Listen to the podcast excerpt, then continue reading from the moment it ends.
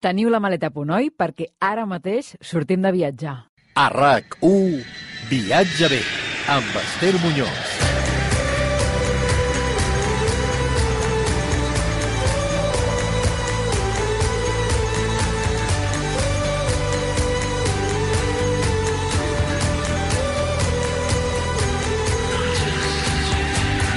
Molt bona tarda i benvinguts al programa de viatges de rac Avui tenim dos plats forts. Primer agafarem un avió que ens portarà fins al golf de Guinea, en concret fins a Sao Tomé i Príncipe, el segon país més petit del continent africà. Fins allà hi va anar aquest estiu el creador del portal de viatges Viajero Crónico, Tomàs Garcia. En Tomàs assegura que aquesta ha estat una de les destinacions més pintoresques on hi ha volat mai. Salts d'aigua increïbles, trequins fins a cràters de de volcans inactius i meravelloses platges desertes ens hi esperen aquesta tarda al Viatge B, unes experiències que no us podeu perdre. I si fa dos anys que esperàveu per viatjar al Japó, tenim molt bones notícies per a vosaltres perquè el país nipó ha tornat a obrir fronteres.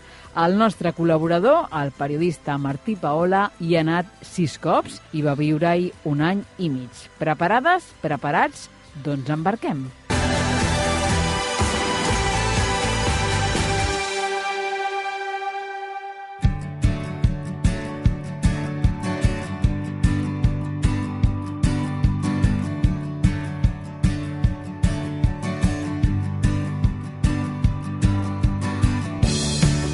Avui marxarem fins a un arxipièlag salvatge i remot en ple oceà Atlàntic, Sao Tomé i Príncipe. Aquesta va ser la destinació escollida pel Tomàs Garcia, l'autor del blog Viajero Crónico, per passar les seves vacances al passat estiu. Coneixeu les illes? N'havíeu sentit a parlar? Us agradaria anar-hi? Doncs molt atents perquè el tenim en línia. Tomàs, bona tarda i benvingut al viatge B de rac Hola, bona tarda, un plaer estar aquí.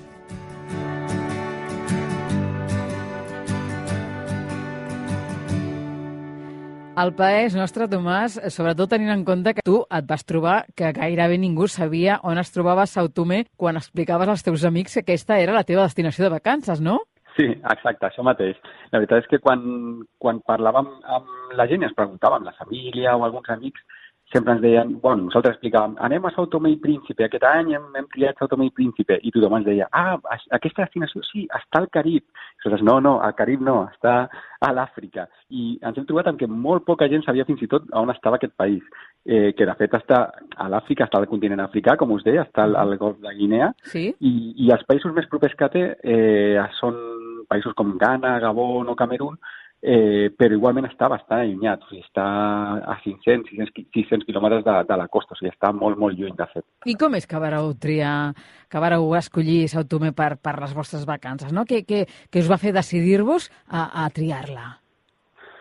Doncs mira, nosaltres ja mm, comencem a buscar cada cop més destinacions una mica alternatives. Ens agrada molt poc, mm, en general, les ciutats, la, la, les aglomeracions de gent, intentem evitar-les també des de fa un temps, va començar una mica la petita obsessió mm, quan vam veure una foto del, del pico, del pic Cao Grande, que és el, el, el gran emblema de, de Sao Tomé, i quan vam veure aquesta foto ens vam, sobretot jo em, em vaig obsessionar una mica, sí? però la meva parella també, i va ser un, hem d'anar aquí, hem d'anar aquí, hem d'anar aquí, i va ser una destinació que vam triar justament abans de la pandèmia i ens ho van cancel·lar tot, ben, ja no hem pogut anar, era molt remot, aleshores és molt difícil aconseguir bitllets d'avió perquè només surten des de Lisboa, un, dos, són 3-4 vols setmanals, uh -huh però ja des de, des de la pandèmia ja vam dir que aquí havíem d'anar i al final ho hem aconseguit. Uh -huh. Són vols directes des de Lisboa? Des de Lisboa són directes, és l'únic país que vola directe, sí. I quines són les companyies que volen fins allà? Doncs mira, vola eh, la companyia de TAP Portugal i vola una altra companyia local, eh, STP Airways, sí? però aquesta companyia només té un vol setmanal i, de fet, moltes setmanes el cancelen. És, és un vol molt, molt llarg o què, Tomàs? No, no són moltes hores, són sis hores i mitja més o menys des de Lisboa. És un vol bastant còmode, agradable, l'avió està molt bé, com que no són moltes hores, realment no, no es fa llarg el viatge. Uh -huh. I un cop allà, eh, quina era la vostra intenció pel que fa a, a moure-us no? per l'arxipiela? Quina idea teníeu? Mira, nosaltres teníem la, la idea, i, i al final més o menys va sortir, tot i que vam tenir algun, algun imprevist, de moure'ns en, en cotxe. Havia de ser un, un 4x4 tot terreny perquè les carreteres allà no són gaire bones eh, sí que tenen alguna que està asfaltada, però la resta estan bastant malament. Llavors vam jugar un 4x4 i la primera intenció era eh, fer uns primers dies allà a la primera i a la illa gran, a la de Santo Tomé, i després agafar un vol intern, perquè és l'única manera d'arribar a la petita illa de Príncep que això, mm, si de cas jo us ho explicaré després perquè, perquè vam tenir problemes i finalment no vam poder anar, però, però bueno, la intenció era moure'ns principalment en cotxe per les dues mm-hmm. illes. Vareu estar dues setmanes, no?, si no m'equivoco? Sí, dues setmanes, que de fet és el, el, el permís màxim que, que té el visat, per, bueno, l'exempció de visat pels, pels espanyols, com a màxim 15 dies sense haver de treure un visat. Va ser suficient per veure el que volíeu? Sí, més que suficient. En dues setmanes és una illa molt petita i, i tens temps de sobres per disfrutar-la i, i, i per baixar una mica les pulsacions, que, que, va, que va bé. Doncs abans de fer un repàs de doncs, com vareu distribuir les diferents etapes del viatge d'aquestes dues setmanes, d'aquests 15 dies, m'agradaria una miqueta mm, situar l'audiència no? i sobretot repassar algunes de les curiositats eh, d'aquest país que realment són sorprenents i que, a més a més, tu has compartit amb els teus lectors al teu blog, no? a cronicoviajero.com. Expliques, per exemple, Tomàs, que Sao Tomé i Príncep eh, és el segon país més petit d'Àfrica. No? M'agradaria saber exactament quina és l'extensió extensió que té. Sí, és el segon país més petit d'Àfrica, com dius. No arriba ni a 1.000 quilòmetres quadrats. Eh, són, com et dic, és un arxipelag molt, molt petit. De fet, el més petit és Seychelles, que és la meitat més o menys de, de territori, però és que de fet és molt, molt petit. Són, no, com et dic, són, no arriba ni a 1.000 quilòmetres quadrats, que és, que és minúscul. Uh -huh. I és veritat també que es considera el centre del món? Sí, així és. De fet, un, un del, una de les illes que formen l'arxipèlag són dues illes principals i hi ha una tercera que és l'illot de Rodes, que de fet és un illot perquè és molt petit i, i ara sí que hi viu una petita comuni comunitat, però, però fins fa no gaire no, no hi vivia ningú. Eh, I allà mateix és on creua exactament la línia de l'Equador i, i el meridià de Greenwich. Allà mateix creua i han fet un petit mapa, homenatge allà a la illa, és, ja dic, molt petita, pràcticament el mapa ocupa una part de la illa, i, i allà marquen que justament està al centre del món. Uh -huh. ah, ens parlaves de la comunitat que viu en aquesta tercera illa, en aquest tercer illot. Eh, com era la gent, els habitants eh, de les illes que vosaltres vareu visitar? Perquè són colònia portuguesa, oi? Ah, exacte, sí. Són una colònia portuguesa. De fet, van ser eh, colònia fins al 1975. A partir d'aquí ja es van independitzar i, i, i bueno, són un país que, que, que és això, que encara parla, parla portuguès, però realment ens vam trobar que era, va ser un país molt, molt amable. Nosaltres mm, que hem viatjat molt per Àsia, o, o sí, sobretot per Àsia, que ens hem trobat aquest problema de que sempre t'intenten, és molt fàcil que tothom t'intenti enganyar una mica o, si vols dir, o estafar, fins i tot. Que aquí la veritat és que ens vam trobar, nosaltres anàvem una mica a la defensiva i ens vam trobar en què tot era molt fàcil. Tothom que quan necessitaves ajuda t'ajudava i nosaltres deman que demanessin alguna cosa a canvi després i, i de fet no ens van demanar absolutament res, no només no ens demanaven, sinó que, que rebíem una ajuda totalment desinteressada. Rebíem continus somriures, mm, un interès per nosaltres que, que anava més enllà de l'interès, de, de, de l'interès econòmic. I, I això ens va, ens va agradar molt, ens va sobtar perquè vam tenir diverses anècdotes que, que, que, bueno, que ens vam sentir estimats a, a una illa a la que no coneixíem a ningú. Uh -huh. Perquè reben molts visitants, eh, realment ells viuen del turisme? És una font d'ingressos important per ells, però, però clar, reben mm, aproximadament uns 30.000, 35.000 visitants anuals, que és mm, més o menys eh, el que rep Barcelona en un sol dia. Pots imaginar-te la, la dimensió de, de turisme que tenen. Molt poqueta. Llavors va molt poca gent. I, i sí, nosaltres ens, ens vam trobar que pràcticament tothom coneixia, eh, tot i moure's al voltant de la illa, que, que és petita, però, però és relativament gran com perquè et coneguin a tots els punts de la illa. I nosaltres ens vam trobar diverses vegades que ens havíem vist al nord de la illa i, i algú del sud sabia que, que anàvem cap allà. Sí, ja ens teníem com monitoritzats, quasi. Una illa molt petita, Tomàs, però eh, que també ha estat notícia perquè durant molts anys ha estat l'exportador més gran de cacau del món.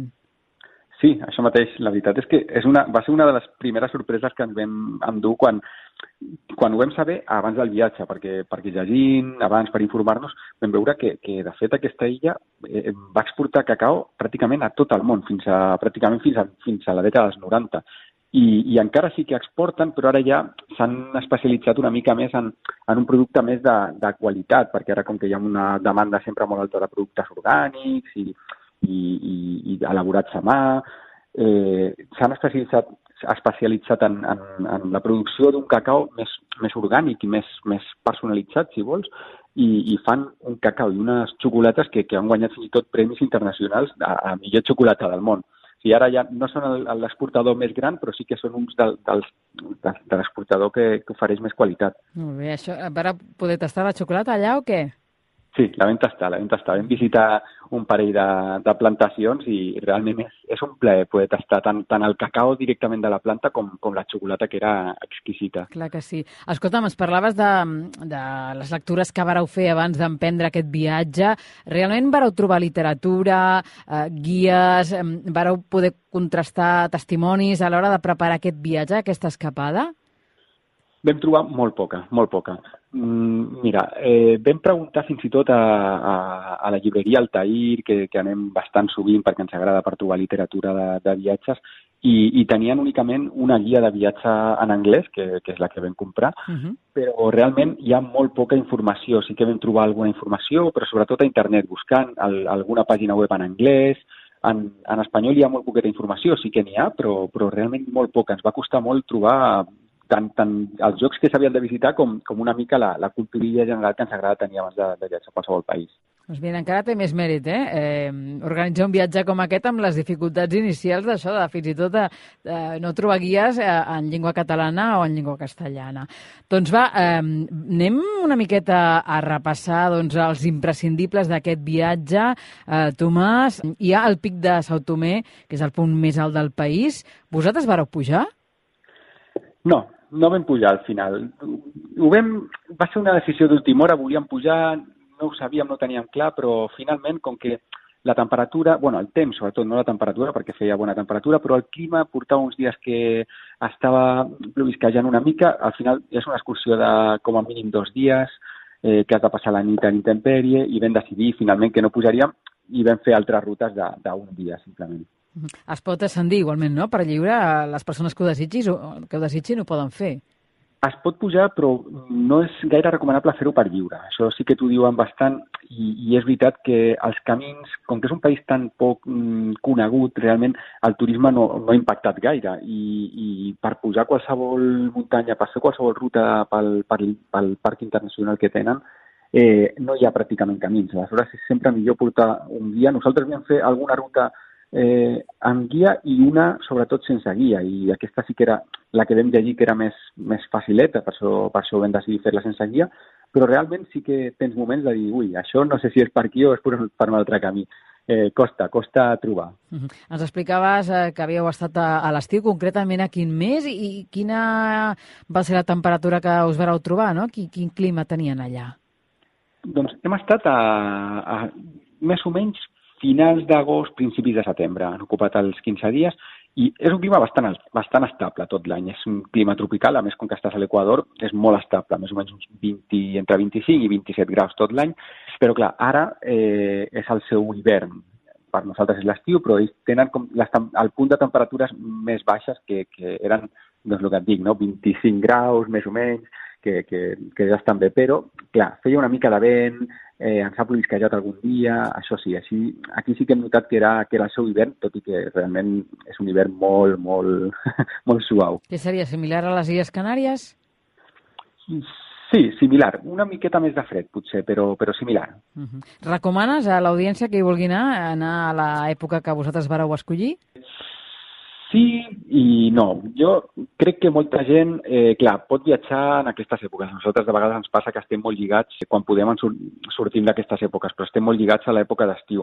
Té les seves coses bones, però la illa de Santo Tomé i, bueno, la Príncep, la Príncep també, fora de temporada, sobretot a partir de l'octubre, té una cosa molt bona i és que arriben centenars o milers de tortugues a, a fer el seu procés de, de, de, de, de desove i, i, i també la, té, té lloc l'eclusió dels sous i naixement de les noves tortugues petitones. Uh -huh. I, I que això passa a partir de l'octubre fins al mes de gener, febrer. Aleshores, també és una època que ha de ser molt, molt xula per, per visitar la illa.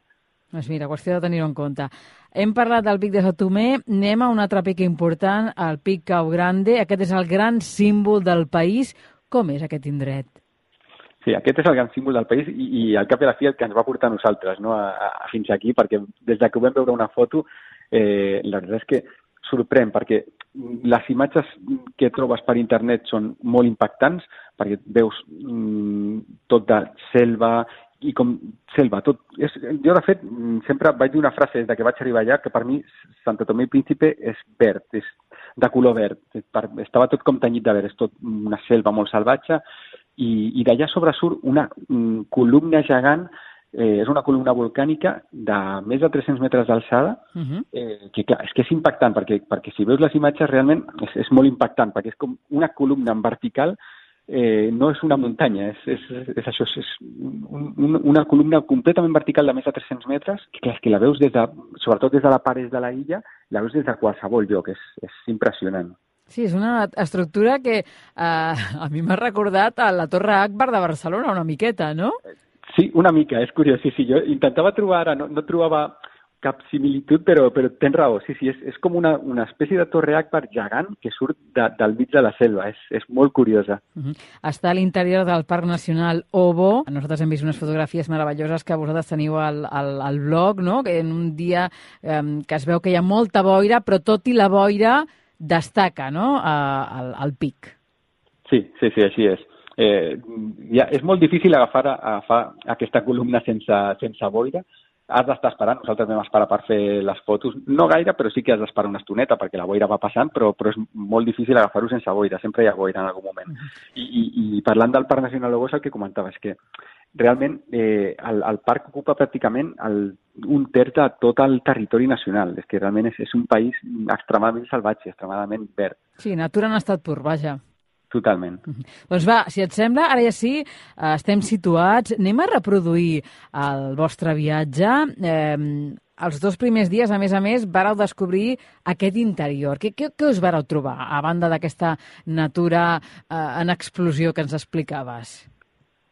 La part interior de, de la illa té, destaca principalment per, per la natura, perquè també allà és una de les portes d'entrada al, al Parc Natural d'Obo, i també per, per la cultura, perquè té un, un gran llegat patrimonial allà de, dels portuguesos. De, es poden veure diverses plantacions, diverses roses que li diuen que són les antigues explotacions de cacau o de cafè. Vam fer la visita, per exemple, a la, a la plantació de Montecafé, que realment ara aquestes plantacions abans eren productores de cacau i cafè, moltes ara ja han deixat de produir o produeixen només per l'autoconsum i el que sí que s'han convertit en espècie de, de barris grans, de, on viuen eh, mil persones, dos mil persones, en xaboles, tenen el seu, tenen el seu espai comú, la plaça, tenen, tenen tot un, un espai comú, és una petita comunitat, un petit barri que, que han desenvolupant en aquestes antigues plantacions. Uh -huh.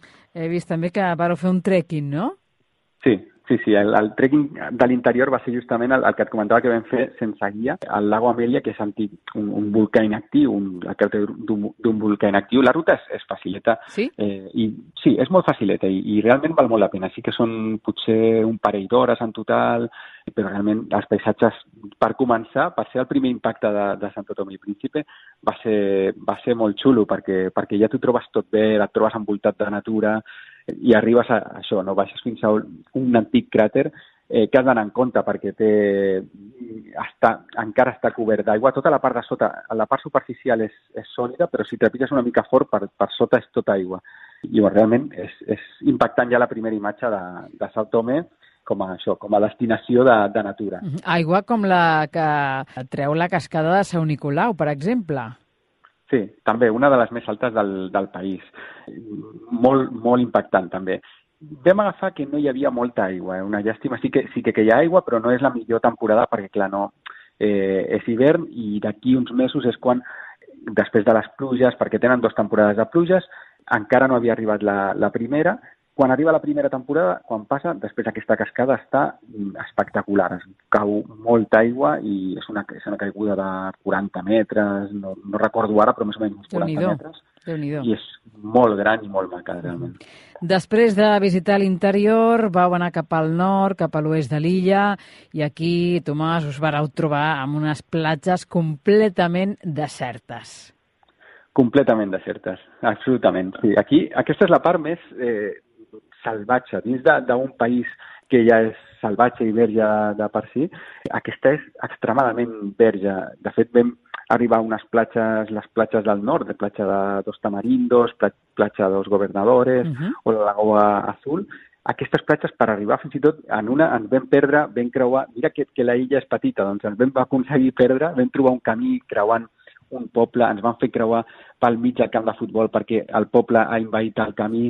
Eh, va ser tota una experiència. De fet, vam coincidir amb uns turistes allà que, que venien justament darrere nostra, van arribar 10 minuts més tard i arribaven amb la, roba, amb la roda punxada. Els vam estar ajudant també a canviar la roda, però nosaltres vam tenir sort en aquest aspecte, vam punxar, però, però sí, sí, és, és són camins que, que són pràcticament impracticables. Des d'allà, eh, crec que fins i tot vareu tenir l'oportunitat eh, de fer una sortida per, per veure dofins i balenes, que és una de les coses que a molts viatgers els hi agrada fer en algun moment de la seva vida. Vosaltres veu tenir l'oportunitat de fer-ho allà. Sí, allà. És una molt bona destinació, Sant Tomé i Príncipe, per veure, per veure sobretot dofins es veuen molts, però sobretot balenes. Els dofins són una mica més accessibles, no se li dona tanta importància, però també la tenen, però veure balenes, en aquest cas les, les balenes ja perudes, clar, va ser també molt impactant, perquè sí que ens havien dit que era bona temporada, però, però un cop estàvem allà, tu abans deia que, bueno, que sí que es veien, però de vegades, que no era molt fàcil, no era gaire fàcil, Aleshores, realment, trobar-nos com ens vam trobar mm, a, a 10 metres de balenes va ser una experiència molt, molt maca. Mm -hmm. I a més, eh, abans eh, que en parlàvem del cacau, eh, en aquesta zona penso que també hi ha antigues plantacions de cacau, no és així? Així és. Aquí hi ha diverses de les roses més importants. Està la, la plantació o la rosa d'Agustinho Neto, que aquesta és una de les més grans de, de tot el país, i la Rosa Diogo, Diogo Basc. Aquesta és una de les que manté bastanta activitat. La, ara l'ha adquirit fa uns anys un, un col·lectiu francès, un grup inversor, bueno, grup inversor no sigui grup inversor, un, un grup francès eh, que s'està fent càrrec de, de la plantació, de l'explotació, i, i de fet són aquests són els que van guanyar el premi a millor xocolata del 2016. El mm millor xocolata del món al Saló de París, ens van explicar, i després ho vam comprovar i així era, sí, sí, la, i, i la vam provar, i no sé si la millor del món, però des de luego està bastant, bastant excel·lent, bona. Excel·lent, excel·lent. Va, Tomàs, hem fet uh, l'interior, hem visitat les platges del nord i del um, oest. Què us vareu trobar a la zona de l'est de Sao Tomé? La zona de l'est també és bastant salvatge, hi ha molt poca, molt poca població allà, sí que hi ha un parell de, de cascades, hi ha un parell de platges també molt, molt, molt maques de les per, platges per banyar-te, perquè també una cosa que té Santo Tomé és que hi ha algunes platges que són molt, molt salvatges i fins i tot no pots banyar-te de los salvatges que són. Però aquí hi ha una platja, la Praia Micondó, aquesta és maquíssima, de, visualment és, és de les més maques que es poden veure i, i et pots banyar. I, de fet, vam arribar i ens feia a puro banyar-nos perquè estan completament sols i de vegades pensàvem, ostres, és que aquí si ens passa alguna cosa o, o si ve una onada clar, o clar. qualsevol cosa, estaven tan sols que, que fins i tot ens feia, ens feia cosa banyar-nos. Praia Micondó, eh? La notem aquesta, eh? I després paratges exuberants com Boca do Inferno. Sí, la Boca d'Inferno mm, és un dels paisatges més espectaculars que es poden veure a, a la illa. És, un, és una espècie de... No es considera platja perquè és un tram de costa amb, amb, amb acantilats i, i és una espècie de, de la calçada del gegant d'Irlanda, però a, a l'estil africà una mica, a l'estil tropical, perquè sí que té totes les formacions de basal, té com una espècie de calçada de, de, de basal espectacular, i, i aquí l'únic és que el paisatge està envoltat de palmeres, que, que això és el que, el que més sobta. Uh -huh. Baixem cap al sud, Tomàs. Per cert, com eren les carreteres? Les carreteres tenen trams que estan bé, però la immensa majoria són carreteres que s'han deixat de mantenir i estan plenes de forats, has d'anar molt de compte. Jo crec que la velocitat mitja del viatge va ser entre 30 i 40 km per hora, no vam passar. Sí, no, hi ha una carretera que, que dona la volta pràcticament a tota la illa, no arriba perquè la, la, la selva la talla, però sobretot això, són carreteres que mm, trobes, trobes algun tram que està bé, però principalment són carreteres molt, molt, en molt mal estat, eh, molta son de sorra, i, i les de sorra encara estan prou bé, però les, que estan, les pitjors són les que estan asfaltades i, i estan completament trencades, amb forats al mig, amb forats enormes als, als costats, has d'anar molt de molt de compte. Estan abandonades. Aquí al sud hi ha aquest pic Cau Grande que abans comentàvem, però també hi ha moltíssimes platges, també salvatges i remotes, com abans ens explicaves.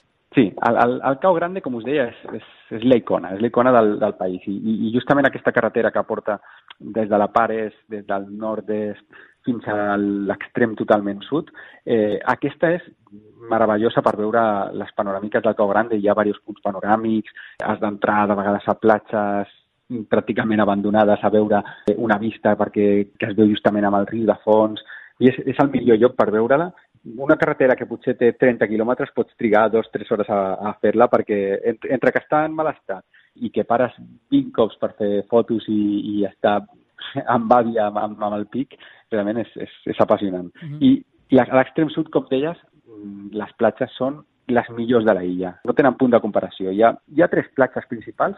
Hi ha dues que són Praia Gelé i Praia Iname, que aquestes són eh, platges, on, a, a part de ser molt maques i molt bones per banyar-se, tenen la peculiaritat de que són dos de les platges on arriben més tortugues de tot el país, arriben centenars de tortugues, uh -huh. i tenen allotjaments a peu de platja a la sorra, que és on vam dormir, i, i que en època de tortugues tu estàs allà i tu pots avisar perquè et piquin a la porta quan arribi una tortuga. I llavors ah, tu mira. i la pots veure des del, des del propi pràcticament des del propi bungalow. O sigui que és, realment són són, mar són meravelles naturals que a pocs llocs del món es poden disfrutar d'aquesta manera tan, tan autèntica i tan salvatge. Mm -hmm. Sempre dormíeu a bungalows? Eh, pel que fa allotjament, quines van ser les opcions que vareu triar? Hi ha molt poc allotjament. En general, a la illa no hi ha cap cadena gran d'allotjaments. L'única hi havia una cadena que tenia origen espanyol, la cadena Pestana, però, però realment ja ha tancat un dels tres hotels que tenia i, i es manté,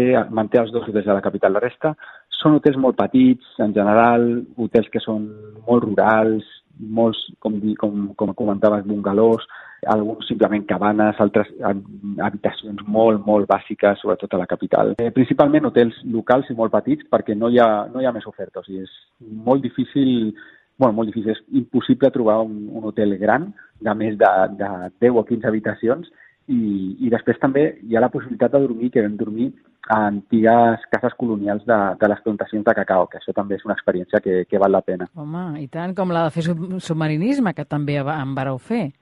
Sí, també, també val la pena fer submarinisme eh, no és dels millors jocs del món, però sí que t'ofereix possi la possibilitat de fer submarinisme en un entorn completament verge. Això a pocs jocs del món és possible.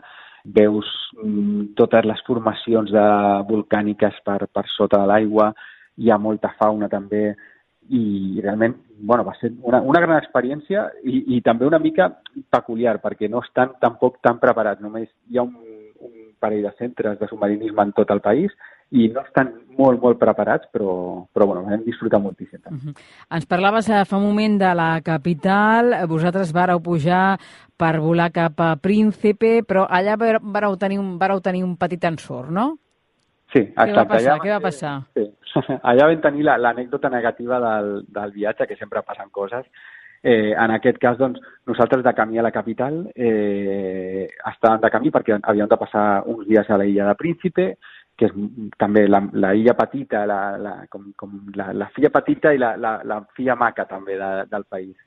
I de camí ens van trucar i ens van dir que faltaven 10 hores pel vol i que cancel·laven el vol i ens passaven el dia següent. Uh -huh. Llavors, amb aquest canvi nosaltres ja ostres, eh, anem molt apretats de, de temps, perquè justament ho havíem planificat potser malament, perquè ho havíem deixat pel final pel final del viatge, que això sí que és una recomanació que faig a qualsevol que s'animi a viatjar a Sant, a Sant Tom i Príncipe, que inclogui l'illa de Príncipe a, a, al principi del viatge per si té algun ensurt com aquest. Mira. Aleshores, ens van reubicar el dia següent i el dia següent, sense avisar-nos ni res, ens vam enterar que tampoc hi hauria vol.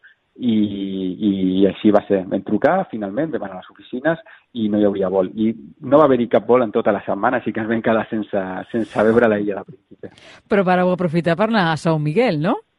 Sí, exacte, ja vam aprofitar, ja vam dir, bueno, doncs, com que no hi ha, com que no hi ha vols a principi, aprofitarem per veure coses encara més salvatges dins de lo salvatge. Vam veure, vam visitar justament una comunitat i, i una platja, la de São Miguel, que s'arriba des del sud, que va ser també una experiència molt, molt fascinant perquè no ho esperàvem. Nosaltres anàvem en búsqueda una mica de... anàvem buscant eh, una cascada que deien que era una cascada amagada, no sé, no, en realitat no està tan amagada, però és una cascada que, que surt de la selva i cau justament al mar. És una imatge molt, molt maca. I, i ens vam trobar també eh, que vam descobrir amb, amb, el, amb, el, amb el que portava la barca que ens va portar a la comunitat de São Miguel, que tenia, no, tenia ja un conegut, i és una comunitat que viu mm, res, de manera, de la manera més precària que, que, que hem vist. La veritat és que si, si tot és bastant precari allà, allò ens va semblar extrem, perquè viuen a una hora en barco de qualsevol lloc, eh, no hi ha accés per carretera i no hi ha accés, bueno, sí que hi ha accés a caminant, però són no, no, no m'atreviria ni a dir quan som, és perquè potser és més d'un dia. I estan completament, completament perduts. Tenen una petita... Són 10 persones, de fet. Eh, tenen, un, tenen una petita capilla, una petita capella, i, i ja està. És que tenen tres cabanes, la petita capella, i no tenen res més. Eh, Tenen dues cascades espectaculars, això sí. Doncs mira, aquesta va ser la sorpresa que us esperaven pel fet de, de perdre aquest, aquest vol de, de, de tornada. Exacte. Escolta'm, Sí. Tomàs, ens hem deixat només un lloc, que és l'illot de Roles, que tu abans ens el comentaves, no? Dèiem que era aquest centre del món, no? aquest tros de terra més proper eh, el que era el paral·lel de l'Equador i el meridià de Greenwich. No? Vosaltres vareu dedicar migdia a visitar-lo. Sí, és, és un dels llocs on, on s'ha d'anar sí o sí, a qualsevol viatge a Santo Tomé i Príncipe. S'arriba des de la part sud de l'illa, sobretot des de Praia i Name, que hi ha mm, vaixells, bueno, vaixells són petits botes de, de pesca que, que surten diversos cops al dia i l'illa és molt, molt petita, molt petita, tan petita que no li pots dedicar ni, ni un dia sencer perquè és massa poc. Vull dir, és, és massa per la illa. I llavors sí que vam estar pràcticament un dia allà, vam, la vam caminar, absolutament la vam rodejar sencera i, i clar, allò igual, són llocs absolutament salvatges, no hi havia pràcticament ningú, ens vam banyar a platges que semblaven paradisíaques, completament sols, eh, vam veure balenes també des d'allà, va ser, eh, va ser una gran experiència també conèixer l'illot de Roles.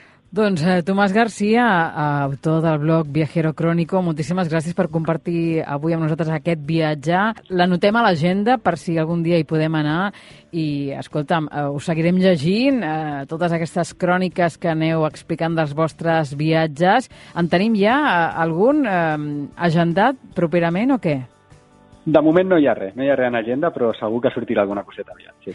Tomàs, moltíssimes gràcies per compartir-ho amb el viatge bé de racó. Que vagi molt bé. Moltes gràcies, un plaer i aviam si algú s'anima a viatjar a Sant i Príncipe. Clar que sí. Una abraçada molt gran. Cuida't. Adéu. Gràcies.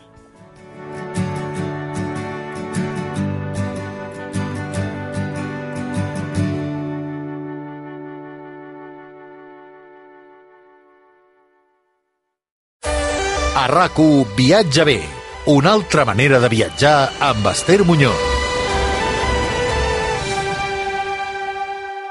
I ara Vueling ens porta volant al Club Viatger. Descobrim quines són les últimes novetats sobre viatges. I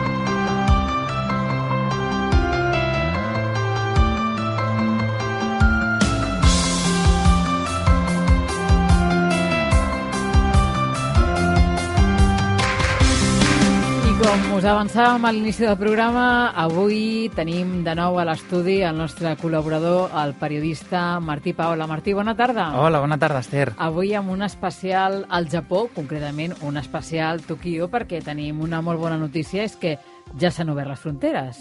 Per fi, aquesta és la millor de les notícies per la gent que ens sentim atrets per aquest país i que desitgem viatjar tant com podem. I és que, per fi, doncs, després de tota l'emergència sanitària arrel del coronavirus, doncs sembla ser que ara podem tornar a viatjar al Japó amb més o menys tranquil·litat i calma i amb les portes ben obertes, que és com millor es viatja, no? Sí, Sense sí. quarantenes ni, ni visats especials. Dos anys, eh? Jo crec que és un dels països que eh, ha tingut les fronteres més temps tancades, no? Sí, i això va una mica amb el caràcter japonès també, no? Una societat que ho vol tenir tot controlat, ho vol tenir tot eh, on la gent que hi viu s'hi senti bé i els que venen també puguin estar el millor possible. O sigui que per la gent que coneix una mica el país eh, va el tarannà. Eh, fan molta prevenció, eh? perquè aquesta setmana ho parlàvem aquí a la redacció de rac Les primeres mascaretes on les varen veure, no? I tant. Si no allà. I tant. De fet, eh, una de les coses que més sorprenia era veure la gent amb mascareta eh, en qualsevol moment de l'any, en qualsevol altra circumstància eh, de la vida, i era per un senzill refredat, no? un simple refredat. Doncs ells ja es protegien amb la mascareta tant per no contagiar els altres com per no ser contagiat en el cas de que sigui època de, de grip i comencin a veure els primers estornuts, no? Sí, sí, aquesta setmana una companya de la redacció explicava que els seus pares havien viatjat al Japó el 2019 i un dels records, entre cometes, que havien portat allà era una mascareta i ves per on després la van haver d'utilitzar aquí, a casa nostra. I tant. Doncs bé, eh, creiem que la millor excusa, oi, per, per parlar del Japó és aquesta, que per fi s'han obert les, les fronteres de nou i tornen a estar operatives no? les entrades al país i és una molt bona manera de celebrar que la normalitat d'alguna manera s'ha instal·lat en el, en el nostre món. I a més hem de dir, Martí, que eh, tu parlaràs amb molt de coneixement de causa perquè vas viure al Japó i, a més a més, hi has anat Quants cops? Sí, doncs cinc o sis vegades en total. Potser he anat des de l'any 2003, que va ser la primera vegada que hi vaig viatjar, fins a l'actualitat. Sí que és un lloc que no, no pots anar-hi sempre que vols perquè mm, són cars els passatges, eh, però bé, és, és, és un país eh, molt interessant per, per qualsevol persona que li agradi viatjar i que senti una mica d'interès per la cultura asiàtica, que, que no són pocs, la veritat. I, a més a més, hi vas viure un any i mig. Sí, sí, sí, vaig estar per circumstàncies a la vida, doncs en allà un any i mig i l'experiència és increïble, no? Eh, he, he, val a dir que per mi el Japó era un país era un mes, no, no, jo mai havia tingut un, un interès gaire especial per, per aquest país, vull dir, el mateix eh, efecte em produïa Japó que, que la Xina, no? és a dir, un tercer país que estan allà, interessant per la cultura, la tradició, però un cop el descobreixes te n'adones de que hi ha un abans i un després i recuperes tota una sèrie de, de coses que observes en aquell país. Per exemple, et fan pensar que doncs, eh, un altre tipus de persones i de humanitat és possible i existeix encara. No?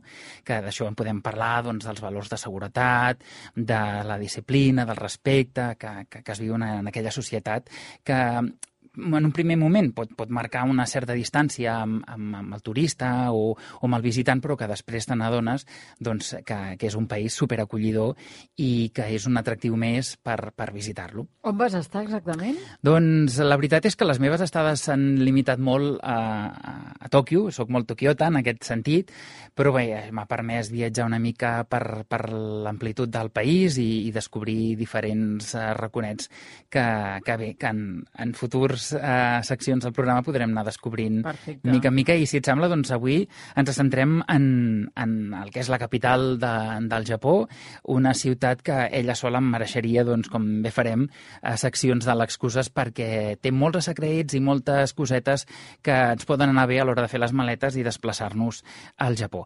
Si et sembla, comencem pel principi, Som. és a dir, per, per l'avió. La majoria d'operadors, com dèiem, tornen a unir diverses ciutats europees amb els aeroports de, de Tòquio Tòquio i afortunadament els preus segueixen sent assequibles per, per qui té intenció de desplaçar-se en aquest país. Diguem, assequibles eh, partint de la base que qui fa un desplaçament d'aquest tipus ja compta que un passatge doncs, mm, tindrà això, un cost d'uns 1.000 euros i apro aproximadament ara estan doncs, això, uns 800, 900, 900 euros, anar i tornar. Per exemple, abans de venir aquí he fet una, una cerca ràpida a Google i en trobaríem per, per d'aquí un mes eh, via Amsterdam per això, uns quasi 900 euros. No? Llavors, una cosa que no tothom sap és que per anar a Tòquio, que com dèiem vindria a ser la primera parada obligada que fem en el país, no necessàriament hem d'anar a l'aeroport de Narita, que és el més conegut i el, el internacional per excel·lència, sinó que també podem fer-ho en un altre de més petitó que es diu Haneda, que està més o menys igual de, de llunyat que, que, que el de Narita, no? Uh -huh. És a dir, també tenim combinacions per anar a, en aquest aeroport i amb la connexió amb, amb la capital perfectament igual, i la diferència seria que els que opten per Narita, que és el més conegut, doncs eh, poden desplaçar-se fins a Tòquio amb el que s'anomena el Narita Express, que és un tren ràpid que uneix l'aeroport amb la capital i que surt de les mateixes instal·lacions aeroportuàries, i l'altre doncs, tindrem una combinació una mica més de tren convencional, però perfectament assumible i, i amb la mateixa durada, aproximadament. I també és una opció també d'abaratir el cost, no? És a dir, sempre en aquests aeroports secundaris doncs, el preu potser és una mica eh, inferior que en l'aeroport principal. Perfecte. Això pel que fa a avions, eh, pel que faria l'oferta de trens, que també és molt gran al sí, Japó, sí, sí. què hauríem de tenir en compte, Martí? Eh, és molt interessant ten, contemplar l'opció tren perquè mm, durant l'estat al Japó serà el vehicle per excel·lència, el, el mitjà de locomoció que, amb el qual ens eh, haurem de, de manegar per, per visitar no només Tòquio, sinó altres punts del país. I val la pena contemplar això perquè existeix, com a molts altres països, els abonaments de tren, que en el cas del Japó es diuen el Japan Rail, i que per uns 400, 500 euros, tens la possibilitat no, de tenir barra lliure en la majoria de trens i metros de, del país i que això ens servirà per poder visitar tots i cadascun dels racons, no només de la capital, sinó com la resta del Japó. Entre ells, en aquest abonament entraria aquest Narita Express, que és aquest tren ràpid que podem agafar per anar de l'aeroport a, a, a la capital. I d'aquesta manera estaríem totalment coberts? Sí, sí, i a més a més també entra, crec que és un desplaçament fins a Kyoto, eh, amb el Jinkansen, que és el, el tren bala, el, el que seria l'equivalent eh, més modest, però el que seria l'equivalent al nostre AVE, no? Un, un tren superràpid que, que uneix doncs, la, la capital de, del Japó amb, amb la capital històrica, que seria Kyoto. Però d'això ja en parlarem en futures ocasions. Perfecte, ja tenim resolt el tema del desplaçament, dels transports. Ara doncs, hauríem de començar ja a conèixer una miqueta la capital. I tant, Tòquio pot ser un molt bon punt de partida i jo crec que mm, una manera de descobrir la magnitud d'aquesta ciutat és fer-ho des, de, des de les altures, no? una manera de, de ser conscients que estem en una de les ciutats més grans, més extenses i més denses del món. Supera els 40 milions d'habitants, eh? és impressionant. I més impressionant, això sí, és el caràcter d'aquesta gegantina metròpolis, un lloc acollidor, net, endreçat i sobretot segur. Una característica que, com ja he dit al principi, ens acompanyarà per tots i cadascun dels llocs que viatjarem d'aquest país. De fet, el, el diari The Economist va distingir l'any 2015 la capital japonesa com la ciutat més segura del món. I et podria explicar aquí infinitat d'anècdotes de coses perdudes, trobades l'endemà mateix, eh, en un raconet enmig del carrer. Parlem de diners, parlem d'ordinadors, de jaquetes, coses que malauradament seria impensable doncs, poder localitzar en aquí, no? un cop les perds. Exacte. Uh, ens crida l'atenció per això, no? perquè és tot el contrari del que vivim nosaltres en el nostre dia a dia. Sí, sí, aquí no cal perdre-ho, sinó potser ja t'ho treuen de les mans. Ja, ja et roben directament. Sí, en, en allà, doncs, un cop eh, alguna cosa et cau o te la deixes oblidada en un vagó d'un tren, doncs, eh, al cap d'una estona, quan aquell tren torna a passar per aquella estació, no, al cap de, no sé, 45 minuts, al moment de que fa el recorregut, allò continua allà intacte. És lloable, realment.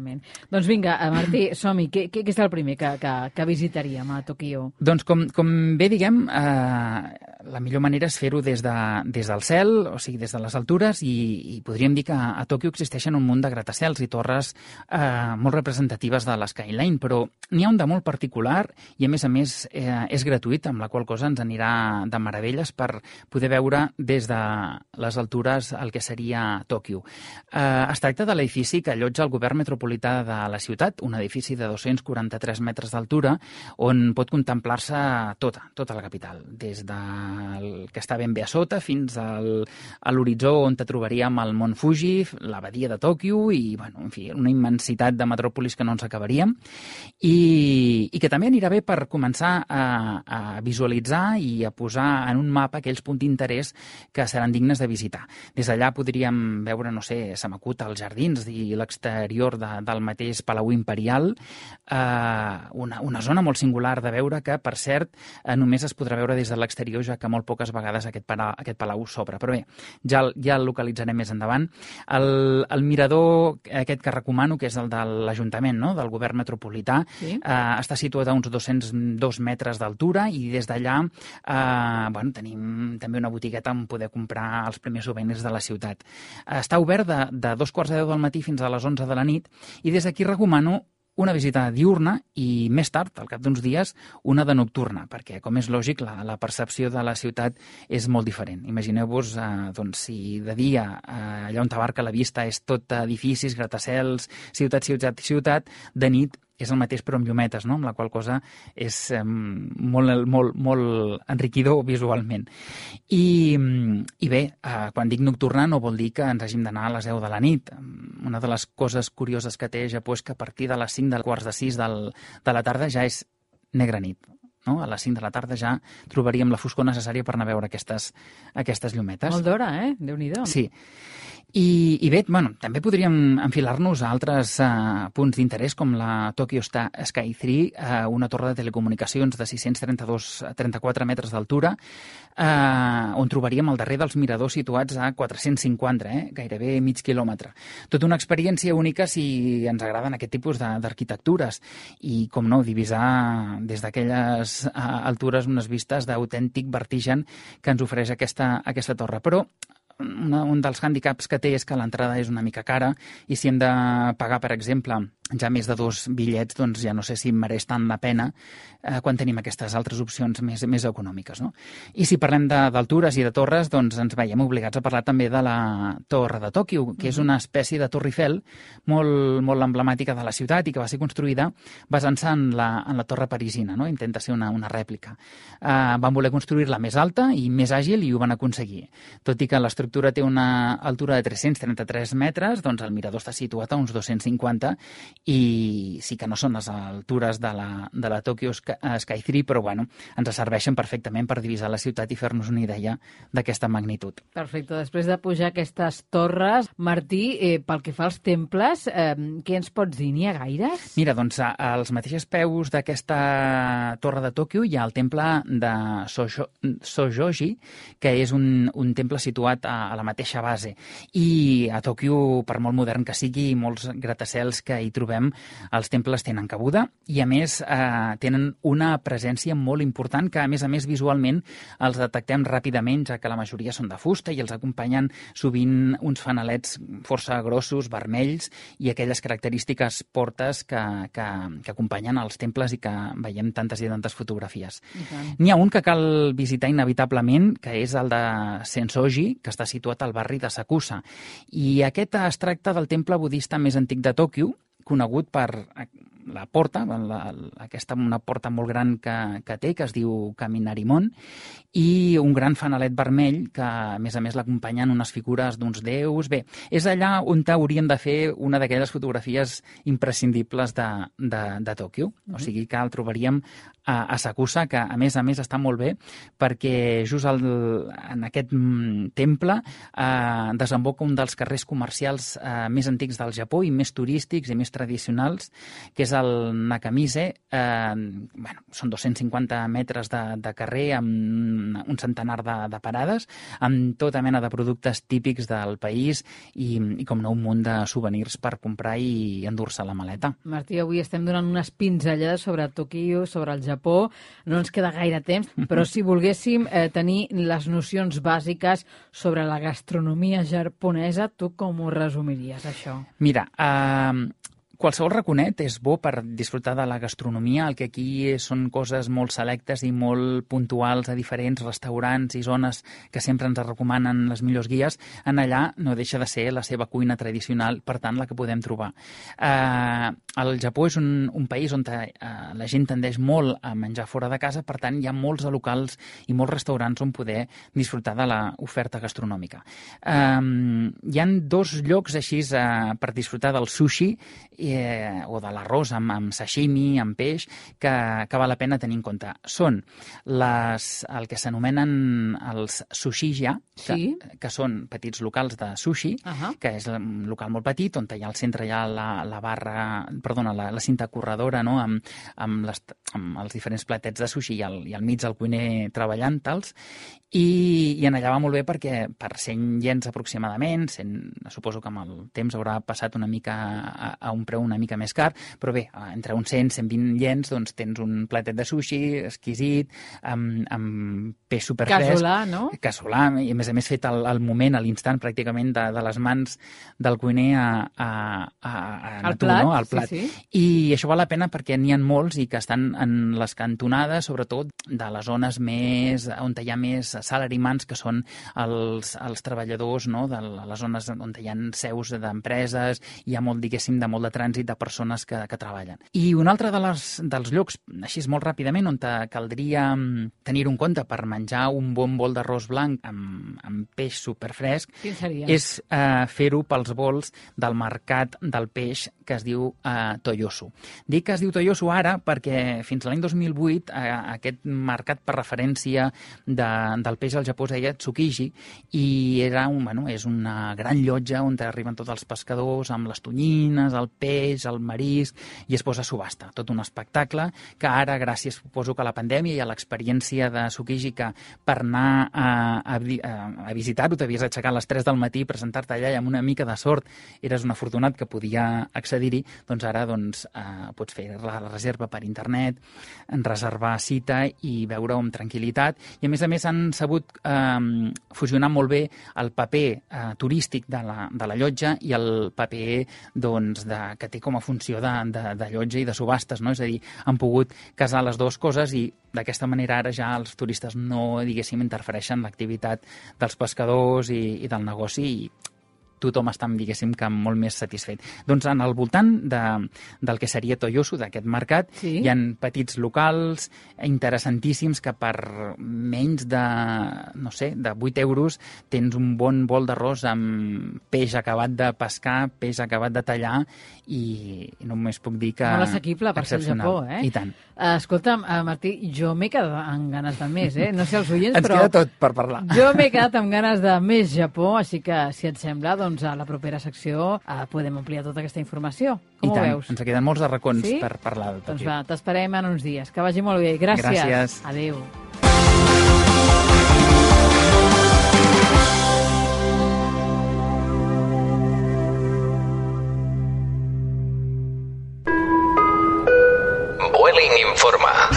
Consells i inspiració per al teu proper viatge.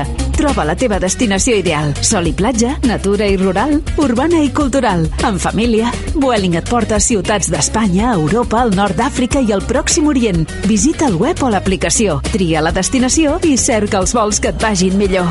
Inspira't amb Vueling.